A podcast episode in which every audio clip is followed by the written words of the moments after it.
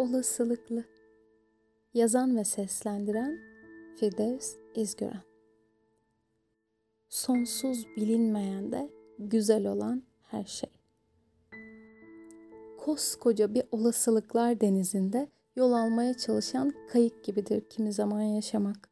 Her an bir poyraz çıkabilir. Her an başka bir şehir bana liman olabilir. Gökten bir şimşek gelebilir. Yerden bir sarsıntı dengemi bozabilir. Durmak isteyebilirim. Ama devam etmem de gerekebilir. Tüm bunlarla birlikte, tüm bunlara rağmen. Aslında mesela hangisini seçeceğimle ilgili. Bunlara rağmen mi yoksa bunlarla birlikte mi? Rağmen dediğin an koşullarını karşına alarak başlarsın. Günler çok daha yorucu olur, yükünse daha ağır yolun boyunca dönüp dönüp ayağının takılıp takılmadığını kontrol edersin. Ve büyük bir ihtimalle de o koşullar senin ayağına takılır, engellerine dönüşür. Oysa bununla birlikte demeyi seçersen koşulların yoluna eşlik eder. Örneğin yolunun kenarları toprak içindeyse adım başı birer fidan dikip biraz da zaman tanıdığında yeşilin sana ve etrafının nefes oluşuna hayran olabilirsin.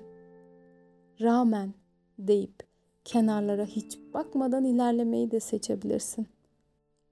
Tabi eksik gördüklerim aklımdan hiç çıkmadan yürüyebilirim diyorsan. Kimimiz başında alabildiğine sarhoş, kimimiz ortasında alabildiğine telaşlı, kimimiz sonlarında bir parça hüzünlü bu yaşamak serüveninin.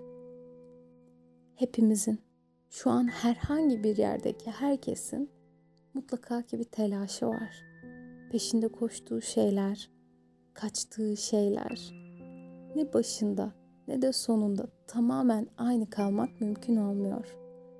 Ben yaşamı olanı olduğu yerden çiçeklendirme mottosu üzerinden kurguluyorum.'' Çünkü bazı şeyler varoluştan öyledir. Evet tam olarak orada ve o şekilde olması gerekiyordur. Onun da kendince bir hesabı, bir kelebek etkisi vardır belki de. Olanı olduğu yerden çiçeklendirmek. Süreç şu şekilde işliyor. Önce görmek. Yani bir duruma belki önden, arkadan, sağdan, soldan her yerden bakıp görmek. Tüm derinliğini hesaplamak. Aniden düşme, kırılma, çoğalma ihtimaline karşı alınabilecek önlemleri düşünmek. Sonra kabullenmek. Evet, bu benimle diyebilmek. Ardından tebessüm etmek. Yani olana şefkat duymak.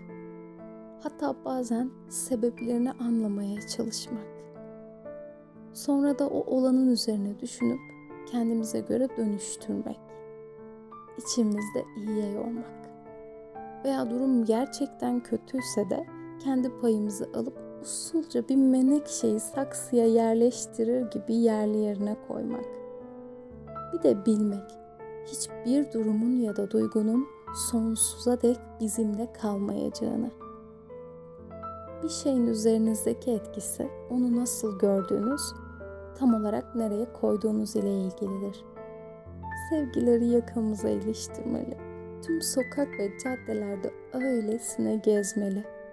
Güzel haberleri, sevinçleri çoğaltıp etrafa saçmalı.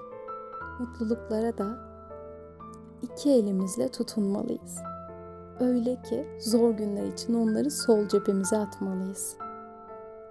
Sorunları, sıkıntıları da parmağımızın ucunda taşımalıyız.